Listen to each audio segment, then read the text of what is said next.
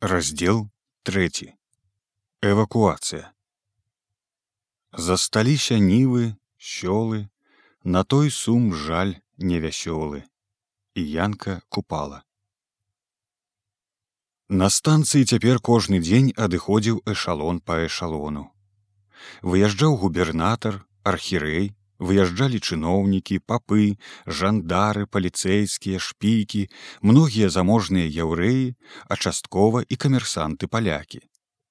Вывозілі мошчы з духава манастыра вывозілі больш каштоўныя архіўныя паперы рэдкія старынныя кнігі грошы з банкаў кацярыну мураўёва п'едэсталы іх засталіся тырчаць як калекі а статуі знялі забілі ў дошкі і на артылерыйскіх конях папёрлі на станцыю грузіць на платформы. З турмы крымінальных здаецца выпусцілі а палітычных усіх вывезлі. Ніхто не ведаў калі і як. Вывозілі вельмі сакрэтна патрошку і ў глухую ноч.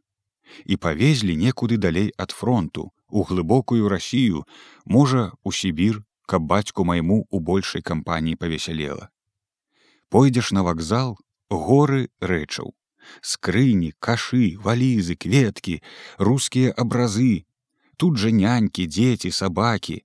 Важнае начальство і заможныя людзі займаюць асобныя купе жаруць п'юць як перад голадам. Подвесяляются ненадолго скоро назад.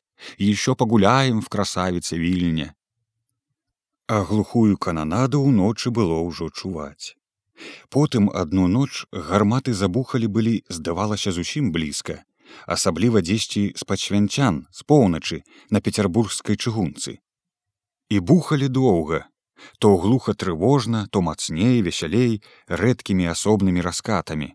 Гэта казалі немец забірае коўню ковенскую цытадэлю і абходзіць вільню каля свянцян. Дзіўна, Пры гэтых раскатах у мяне раптам міма мае волі з'яўлялася дзікая і як бы непрыстойная радасць. Я не ведаў яе прычын, сам сябе не разумеў і нават думаў: Можа, гэта ўва мне штосьці псіхічна хворае. У гэты час трэба было ехаць аднаму тэхніку з лесапільні тышкевіча ў камандзіроўку на вёску у мейшагольскае лясніцтва. Ён адмовіўся і ўсе адмовіліся Тады адміністрацыя выбрала мяне няшчаснага табельшчыка. І грошы на фурманку добрыя далі, каб толькі я з'ездзіў туды і прывёз распіскі, што грошы за нейкі там матэрыял заплачаны. Калі прывязу іх, дэкляравалі даць узнагароды 5 рублёў. Але я ахвотна згадзіўся б і без узнагароды. Хоць рабейка ў дух з майго пакоя ўжо выветрыўся на маю вялікую радасць, бо пэўвячык хаваўся цяпер дзесьці бліжэй да маладое жонкі, але нез'яснёная ташната грызла мяне цяпер часам так, што я паехаў бы хоць на фронт пад кулі. Ахвотна здаў я ключ ад дошкі з рабочымі маркамі і табельную кнігу за адзнакамі аб спазненнях і неяўках на работу свайму часоваму заступніку. Наняў фурманку, купіў таго сяго есці на дарогу, каб весялей было ехаць і з прыемнасцю пакаціў. Аднак жа да лясніцтва я не даехаў. На паўдарозе спаткалі мы нейкага яўрэя перакупшчыка. Ішоў ён, сагнуўшыся ў тры пагібелі пад велізарным мяшком, стары стары, сівы, барадаты. Мой фурман таксама быў стары яўрэй. Я па-яўрэйску трошкі ўмею, наўчыўся з малку гуляючы з яўрэйскімі хлапчукамі, А потым Арон і Ева падвучвалі мяне жартуючы, калі быў дырэктарам у брудзянішках. Але ўмельства маё не настолькі вялікае, каб я мог зразумець гутарку гэтага перакупшчыка, калі ён пасыпаў як гарохам. Форт, форт, крыгі з крыгі, савое вой, і хто там яго разбярэ, што там яшчэ. За галаву хапаецца, слінаю пырскаецца, махае нам рукамі і наперад і назад. І раптам сеў сярод дарогі на свой мяшок, вылавіў з кішэні табакерку і цэлымі шчэпцямі ў засос пачаў нюхаць у абедзве наздры. А мой фурман толькі паківаў мудраю галавою і ні слова не сказаўшы ні яму ў адказ, ні мне для зразумення, аб'ехаў мяшок з чалавекам бачком дарогі і спакойна пачаў заварочваць каня назад. Стой кажу, што ты робіш, не заплачу калі далей не паедзеш а ён і не спалохаўся ну што не плаці мне жыццё даражэй. Чаго ж баяцца? Усё ўсюды ціха. Ой хлопец едзь лепей і ты назад. Я злез заплаціў яму за паўдарогі і яны паехалі а я пабрыў далей адзін пехатою. Прайшоў я да начы кіламетраў сем і ў вёсцы каралевічах абначаваў у селяніна. Там пра вайну нічога не ведалі накармілі мяне маладою гарачанькаю бульбаю з цюдзёненькаю сыраквашаю і паклалі спаць на араматным сене ў пуні. Спаў я як забіты і не чуў як напаўзло на мяне ўночы безліч скочак ад кажуха што далі накрыцца калі пазябну.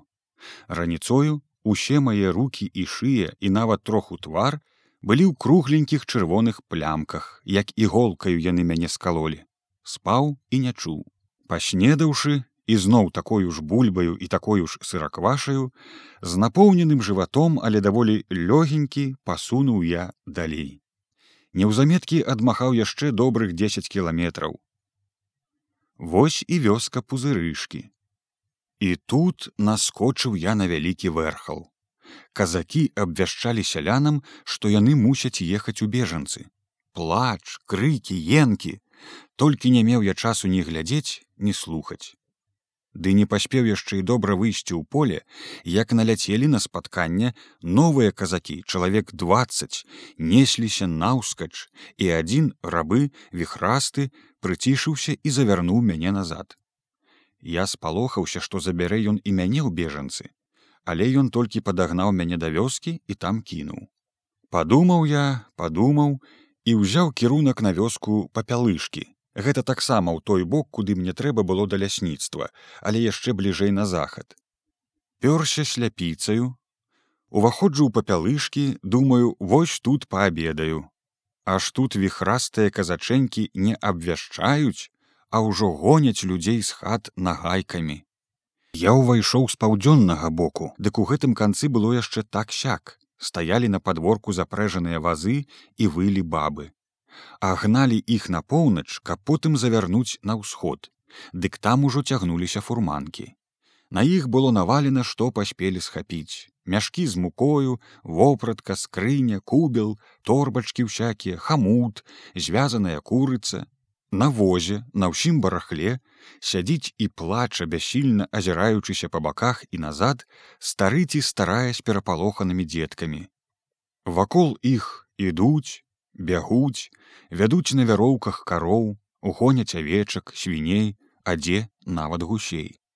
Каровы ўпіраюцца, як на пажары, калі іх гоняць з хлева, рыкаюць, авечкі па-дурному бляюць, свінні рохкаюць, разбягаюцца, бабы і моляцца і праклінаюць і енчаць і галосяць, троху і смешна, але горкі жаль. Мужчыны крычаць, божкаюць, а каторы маладзейшы пабожкае пабожкае ды і злаецца ці раптам хлестане каня пугаўішчам па мордзе так што таму беднаму аж вочы на лоб кідаецца на дыбкі ці садзіцца задком проста на фурманку за вёскаю убачыў я свеженькія яшчэ не глыбокія акопы. Хтосьці капаў і кінуў. І колкі дрот. Дзе троху нацягнута на калякі а дзе кінута на зямлю цэлымі вялікімі скруткамі. Гляджу падхапіліся наперадзе перада мною з канавы пры дарозе і бягуць у лес салдаты пяхота. Гэта мусіць былі тыя сапёры, што капалі тут акопы, і ў паветры забурчала аэраплан. Доўга я ўглядаўся, дзе ён бурчыць.